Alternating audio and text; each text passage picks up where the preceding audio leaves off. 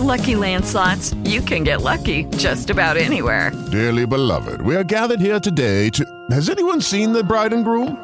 Sorry, sorry, we're here. We were getting lucky in the limo and we lost track of time. No, Lucky Land Casino, with cash prizes that add up quicker than a guest registry. In that case, I pronounce you lucky. Play for free at LuckyLandSlots.com. Daily bonuses are waiting. No purchase necessary. Void were prohibited by law. 18 plus. Terms and conditions apply. See website for details. Hello, it is Ryan, and I was on a flight the other day playing one of my favorite social spin slot games on ChumbaCasino.com. I looked over the person sitting next to me, and you know what they were doing? They were also playing Chumba Casino. Coincidence? I think not. Everybody's loving having fun with it. Chumba Casino is home to hundreds of casino-style games that you can play for free anytime, anywhere even at 30,000 feet. So sign up now at ChumbaCasino.com to claim your free welcome bonus. That's ChumbaCasino.com and live the Chumba life. No purchase necessary. VGW. Void prohibited by law. See terms and conditions. 18 plus. Witam Państwa bardzo serdecznie z tej strony Piotrek Pęczek, ale dzisiaj chciałbym Was na samym starcie uprzedzić o jednej rzeczy. Dźwięk może być troszeczkę inny niż zazwyczaj, ponieważ zmieniłem lokalizację nagrań, no ale cóż, mam nadzieję, że to nie przeszkodzi Wam w tym, aby odsłuchać temat kapitalizm, zyski, przedsiębiorstwa, albo nawet sam marksizm oraz Hmm, na przykład, co może stanowić dowód na to, że zasoby są wykorzystane efektywnie? Opowiem też co nieco o ciekawostkach związanych z pieniędzmi i Hitlerem. Tak więc, hmm, no cóż ja mogę więcej powiedzieć? Zapraszam Was tylko do odsłuchu i dajcie znać, jeżeli Wam się spodobało. Ocencie też podcast na Spotify, iTunesie. Wyślijcie to wszędzie, oznaczacie Piotrek Pęczek na Instagramie, a ja zapraszam Was tym samym do odsłuchu. Buziaki. Generalnie każdy ma jakiś postulat aktualnie. Wszędzie pojawia się coś, co jest dosyć popularne i przejawia się to w naszej kulturze bardzo szeroko, no ale nie będę tutaj opowiadać o tym, chociaż feministki domagają się równej płacy za równą pracę, ekolody chcą uchronić Ziemię przed zniszczeniem, a badacze społeczni chcą przybudować społeczeństwo o bardziej racjonalne podstawy. Kolejni, na przykład przyrodnicy, chcą wspierać bioróżnorodność i rozwijać alternatywne źródła energii. Organizacje konsumenckie chcą poprawy bezpieczeństwa produktów, a moraliści potępiają komercjalizację.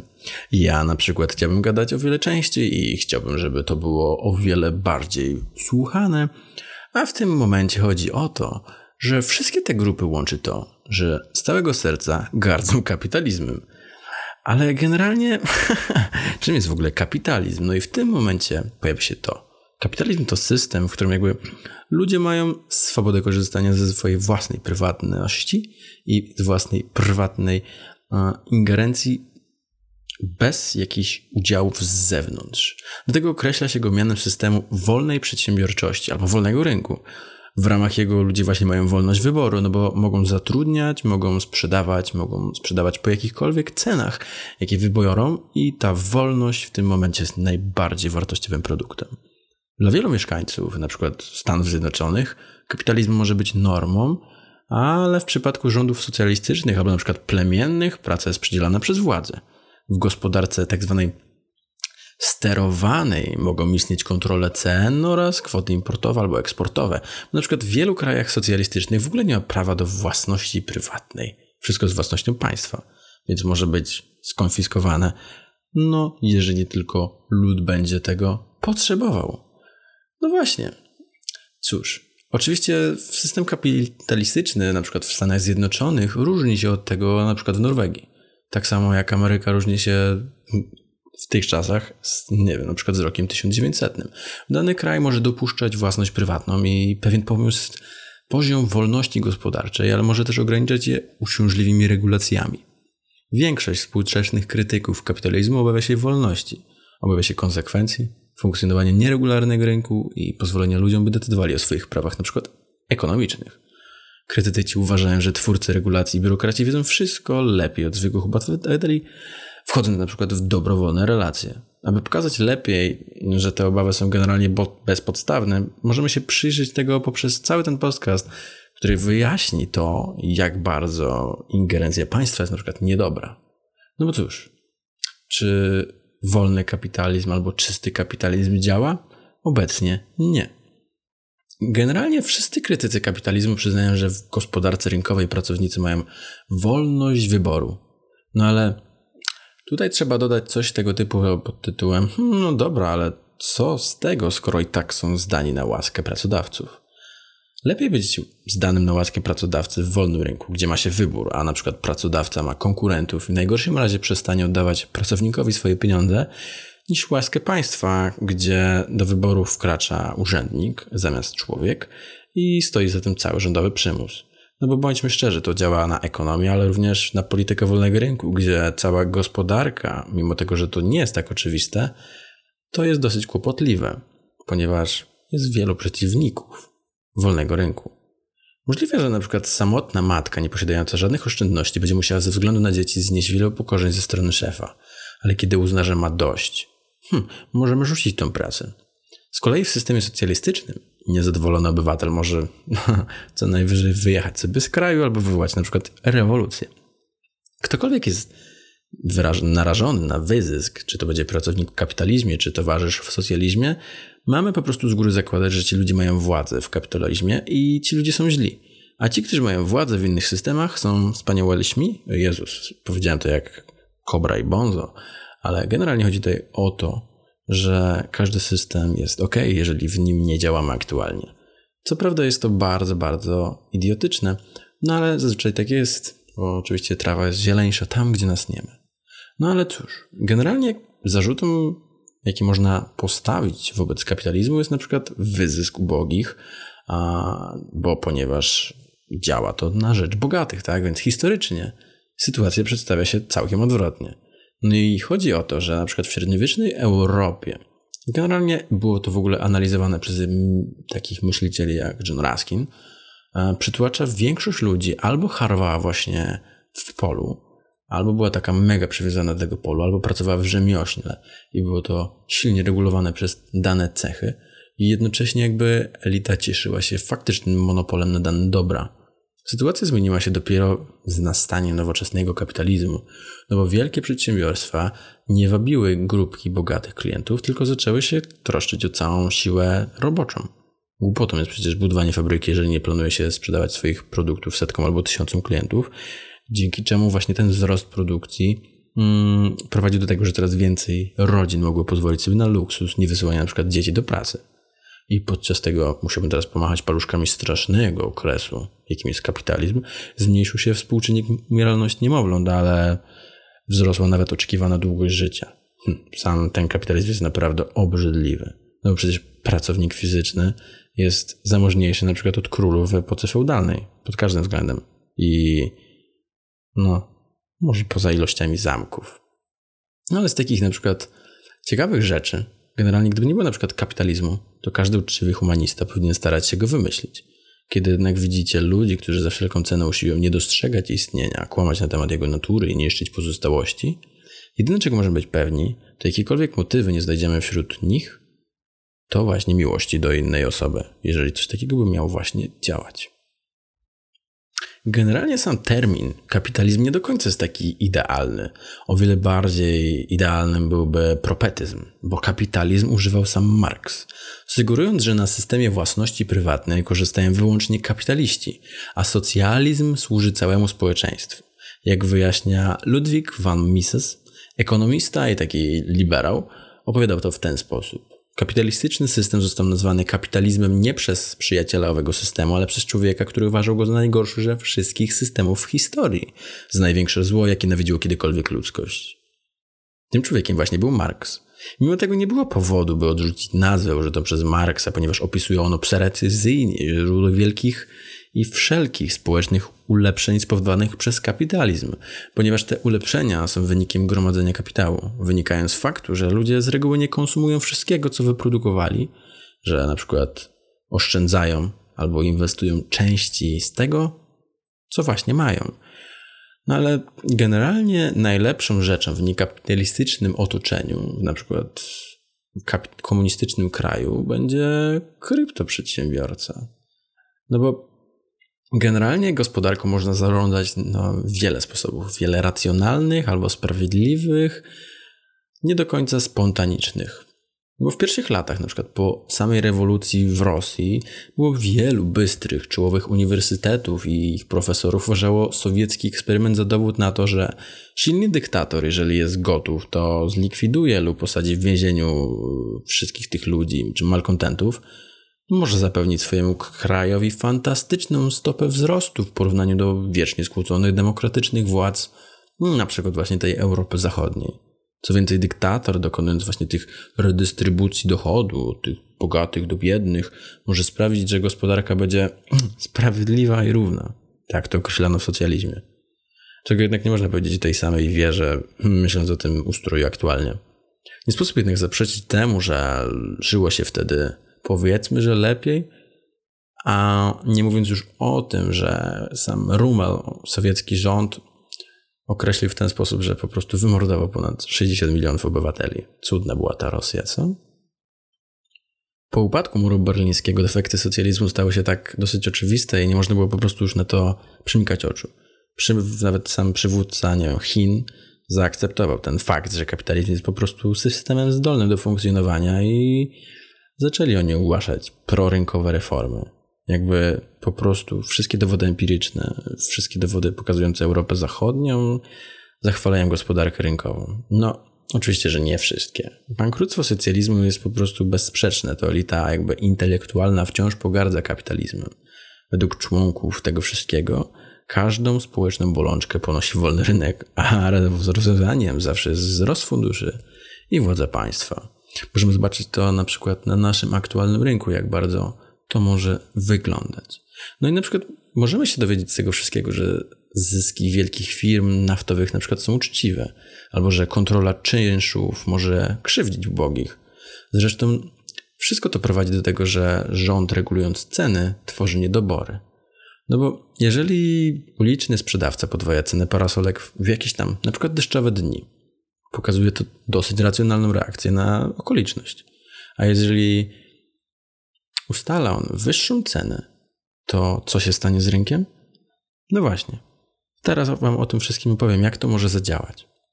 Generalnie trzeba pamiętać o tym, że wolny rynek i kapitalizm to system taki oparty na powiedzmy dobrowolnej wymianie. W sensie, że ty i ja, jeżeli ja coś tobie sprzedaję, to obaj się na to zgadzamy, ponieważ wzajemnie uznajemy to za korzyść.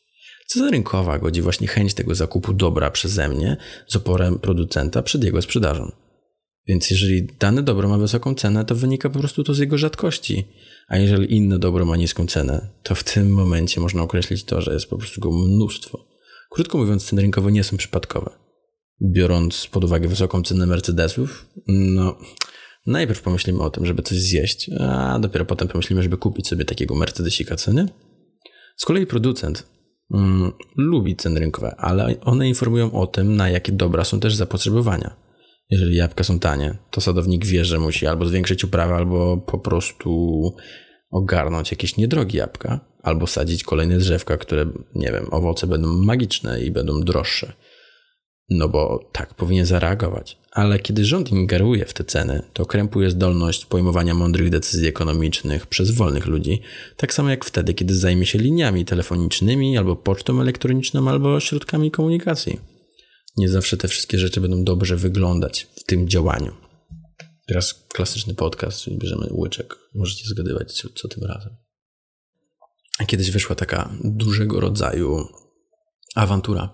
Chodziło o to, że wszystkie firmy w Ameryce, mm, konkretnie firmy naftowe, były szokowane gwałtownym wzrostem paliw w połowie jakby pierwszej dekady, tam chyba to było stulecia, tego stulecia, i uznało, że te wszystkie firmy to po prostu są nieuczciwe. Szczególnie w czasie właśnie tego zastoju gospodarczego, wielkiego kryzysu itd., tak itd. Tak no ale ceny oczywiście spadły. Eksperci i politycy nigdy nie przestali opowiadać się za wprowadzeniem podatku od zysków nadzwyczajnych albo w ogóle za bezpośrednią kontrolą cen, no bo przecież hmm, rząd powinien chronić korzystających z samochodów obywateli albo w ogóle mieć jakieś takie podejście do tych wszystkich ogromnych firm, które mogą sobie tak rządzić. No ale w tym momencie trzeba się zapytać albo w ogóle wyjaśnić się, co to jest wyzysk, czy w ogóle to ma sens. No bo skoro ostry wzrost cen wynika z wyłącznie z chciwości potentatów i bezradności konsumentów, to dlaczego jakby ci potentaci nie byli równie chciwi dalej, a kierowcy równie zależni od paliwa, kiedy ceny były niższe? No bo mało prawdopodobne jest to, żeby mm, firmy naftowe zaczęły być chciwe, a kierowcy zależni od paliw dopiero na przełomie przykład 2021 i 2022 roku. No bo zmieniłoby się to wtedy podaż i popyt. Popyt na ropę naftową zacząłby się zwiększać w miarę jak coraz więcej krajów wprowadzałoby wolnorynkowe reformy swoich instytucji i doświadczyłoby to szybkiego wzrostu gospodarczego.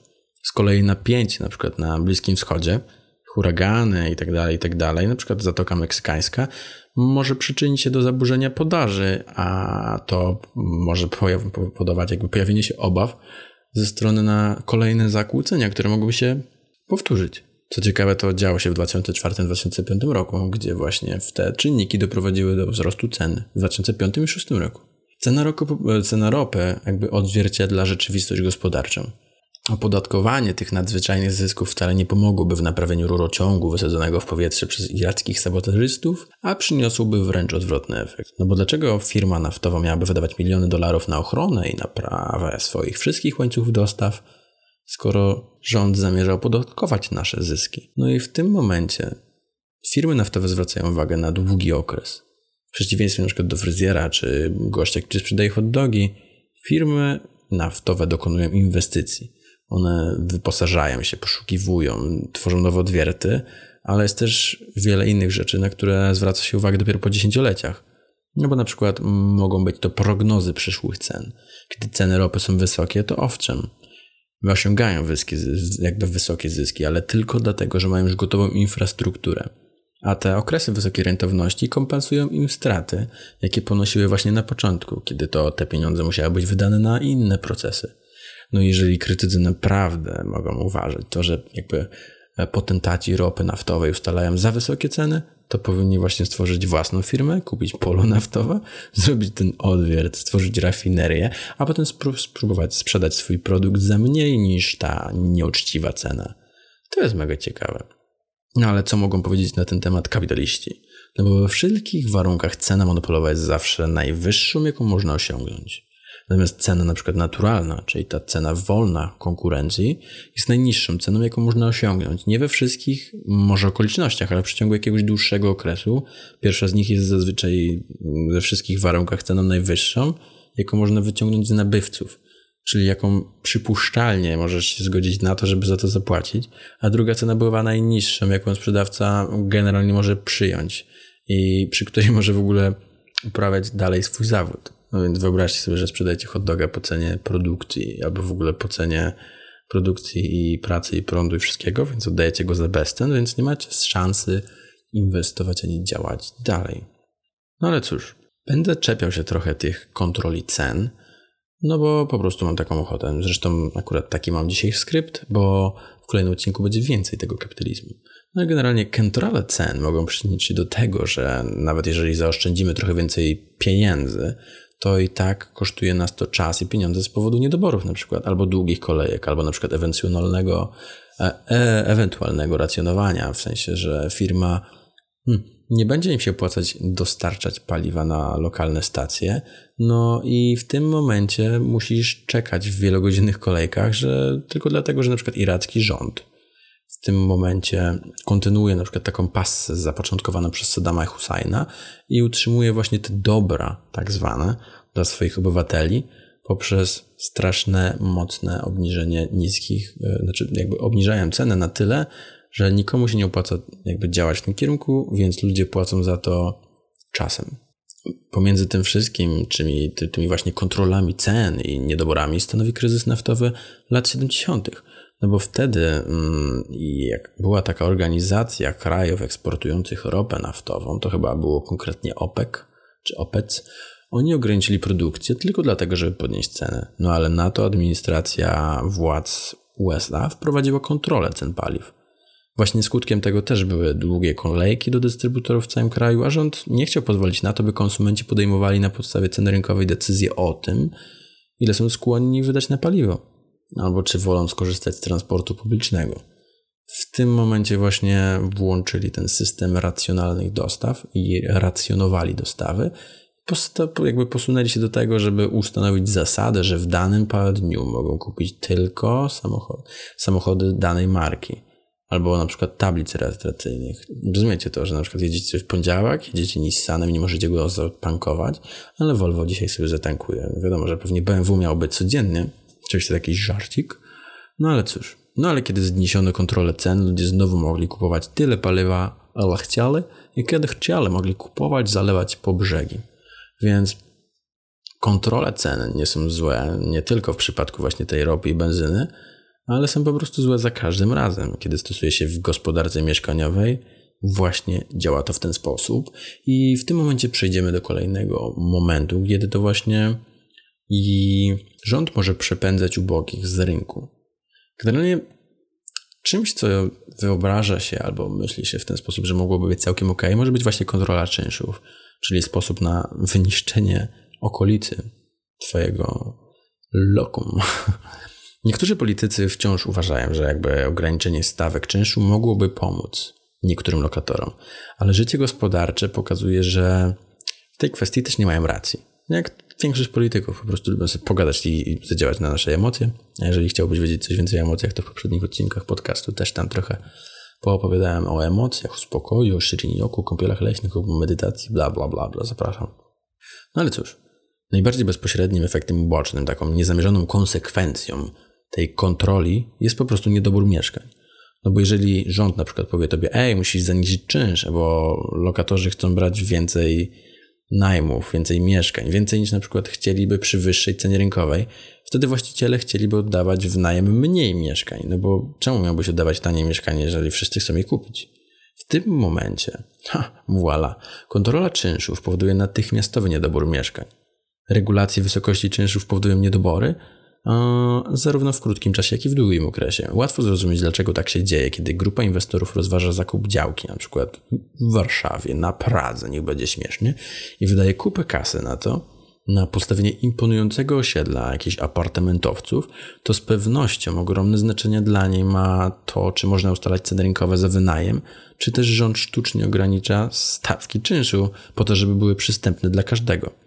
Kontrola czynszu wtedy krępuje zdolność miasta do radzenia sobie z długookresowym wzrostem, ponieważ niewielu przedsiębiorców jest gotowych budować mieszkania, które można oddać w najem tylko po cenach niższych od rynkowych. Dlatego rosnąca populacja skazana jest na istniejący zasób mieszkań. No i w tym momencie wprowadzenie kontroli czynszów prowadzi nie tylko do opisanych skutków długookresowych, ale do natychmiastowego zmniejszenia się dostępnych mieszkań. No bo taki wniosek jest sprzeczny w ogóle z intuicją. Skoro wybudowano już blok, w którym jest 100 mieszkań, to czy kontrola czynszów nie da przynajmniej gwarancji, że 100 rodzin zamieszka ten budynek, będzie miało chociaż trochę wytchnienia od chciwego właściciela? No właśnie nie. I tutaj pojawia się ekonomia, która gniecie to wszystko, bo podstawową zasadą ekonomii będzie to, że ludzie podejmują decyzje na takim krańcu. Chodzi tutaj o to, że kiedy czynsz jest sztucznie ograniczony, to właściciel budynku może zdecydować się na oddanie w najem mniejszej liczby mieszkań. No właściciel wynajmujący mieszkanie ponosi różnego rodzaju wydatki i ryzyka. Kiedy rząd ogranicza korzyści, np. wysokość czynszu, właściciele stają się mniej skłonni do podejmowania takiej działalności, bo jest to dosyć oczywiste w przypadku stacji, gdy właściciel odnajmuje część swojego mieszkania albo domu lokatorowi.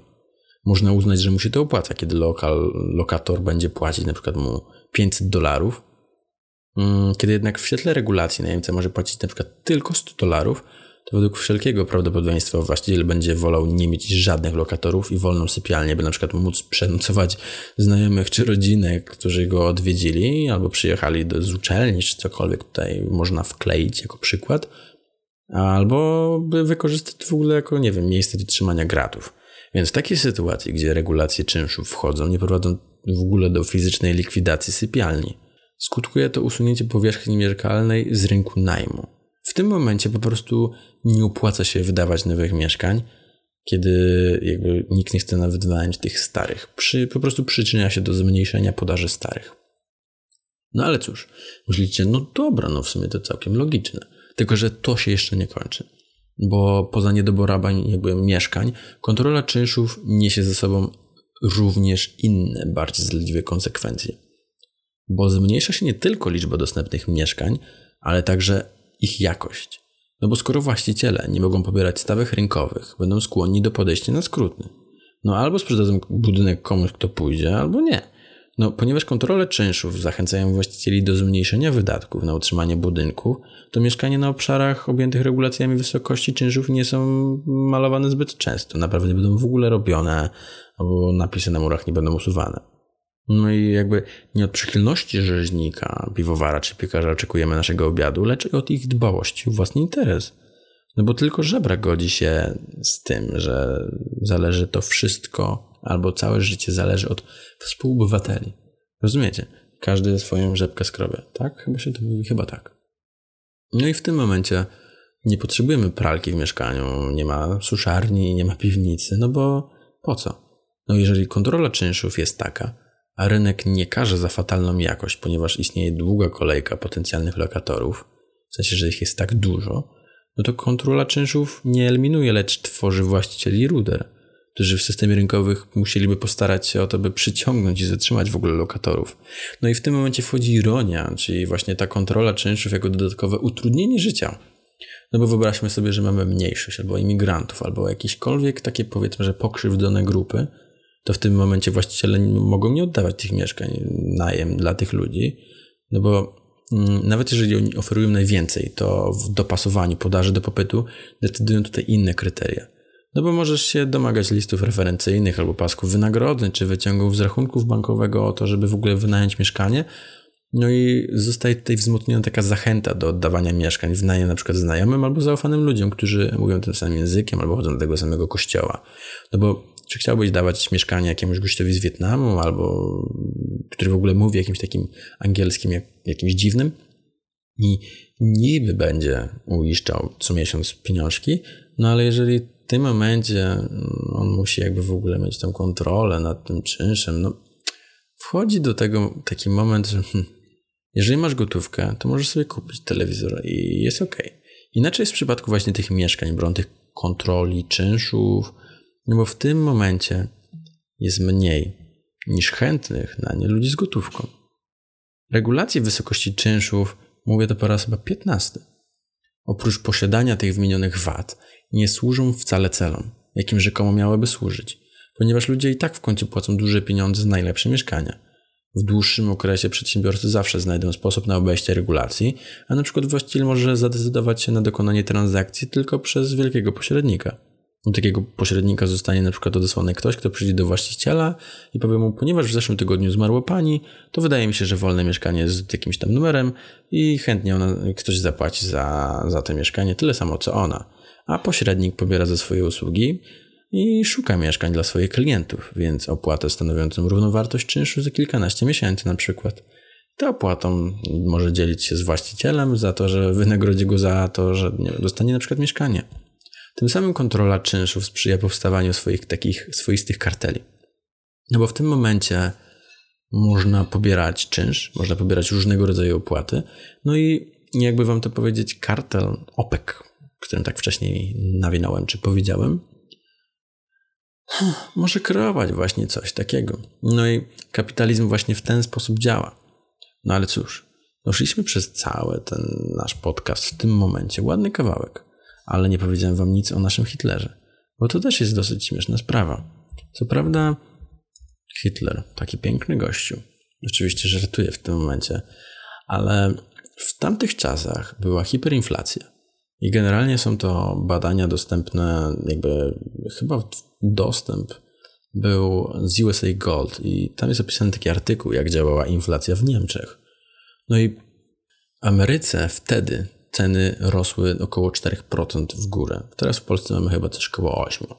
No, no więc jeżeli wtedy jesteście zbulwersowanym, a, albo teraz w Polsce jesteście zbulwersowanym, to w Niemczech w 25-leciu międzywojennym indeks cen hurtowych wzrósł ze 100% w lipcu do 194 tysięcy w lipcu rok później. Stopa inflacji przekraczała 190 tysięcy procent czyli w listopadzie były niedorzecznie wielkie ceny. Mm, no i jakby cała ta stopa inflacji wyniosła około 4,5 tysiąca procent miesięcznie. Pod koniec 1923 roku 150 firm drukarskich dysponujących dwoma tysiącami prasem produkowało bez ustanku nowe pieniądze. Pracownicy otrzymywali trzy wypłaty dziennie, a ich żony od razu pakowały otrzymywane pieniądze do walizek, albo według niektórych świadectw na taczki pośpiesznie ruszały, by wymienić na jakikolwiek towar, jaki udało im się znieść. Tak więc chodziło tutaj całe to poparcie tam Hitlera i tak dalej, i tak dalej. To jest powiedzmy jakaś tam skomplikowana złożoność bankowa, której nie za bardzo chcę um, się chwytać, ponieważ nie czuję się na tyle silny, żeby zabawiać się z ekonomią tak bardzo. Przedstawię Wam to jako taką mega ciekawostkę na koniec. No i cóż, ja mam nadzieję, że podcast Wam się spodobał, że jesteście zadowoleni z, z podstaw ekonomii i paru nauk kapitalistycznych. No ja Wam mogę tylko powiedzieć co nieco o przyszłych odcinkach, w których to będzie na przykład jak sowieckie wzrosty były fałszywe i jałowe, albo jak koniunktura działa śmiesznie wobec państwa i nie do końca zgadza się z tym wszystkim, jak bardzo ekonomia i kapitalizm to może zniszczyć. No ale hm, co mogę jeszcze Wam powiedzieć? W ostatnim albo w następnym, przepraszam bardzo, odcinku będzie jak można zwalczać inflację. Takie drobne ciekawostki i jak na przykład sam wzrost gospodarczy nie wywoła inflacji, bo chodzi tutaj o to, jak bardzo państwo może wywołać tego typu rzeczy. Zapomniałem znowu jak Kobra i Bonzo. Ale kolejnych zapowiedzi będzie tak. Jak bardzo na przykład NASA trwoni pieniądze i istnienie ludzkie? Jak można walczyć z ubóstwem i wcale nie zmniejszyć biedy? A jak na przykład lata 80. były mega chciwą dekadą, no a zakończę to tym, że opieka społeczna nie jest ani opieką, ani nie działa społecznie. No cóż, ja Wam dziękuję za odsłuch. Jeżeli odcinek się Wam spodobał, to mam nadzieję, że zrobicie to, co powinniście zrobić jako prawilni przedstawiciele ludzkiej rasy, polskiej rasy i polskiej godności. Wyślijcie to znajomym, udostępnijcie na Facebooku. Życzę Wam wszystkiego dobrego, miłego wieczoru, także buziaki. Pa, pa.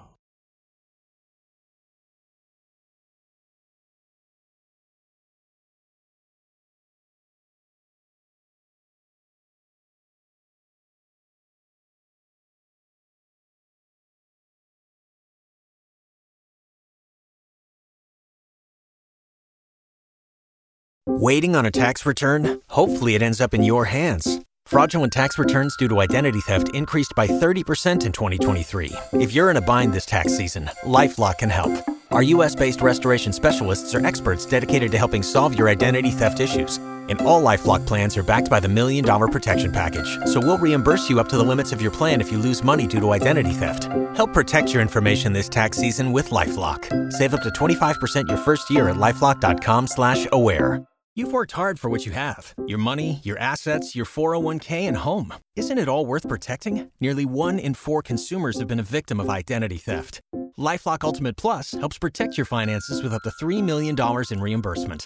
LifeLock alerts you to identity threats you might miss. And if your identity is stolen, your dedicated US-based restoration specialist will work to fix it. Let LifeLock help protect what you've worked so hard for. Save 25% off your first year on LifeLock Ultimate Plus at LifeLock.com slash aware.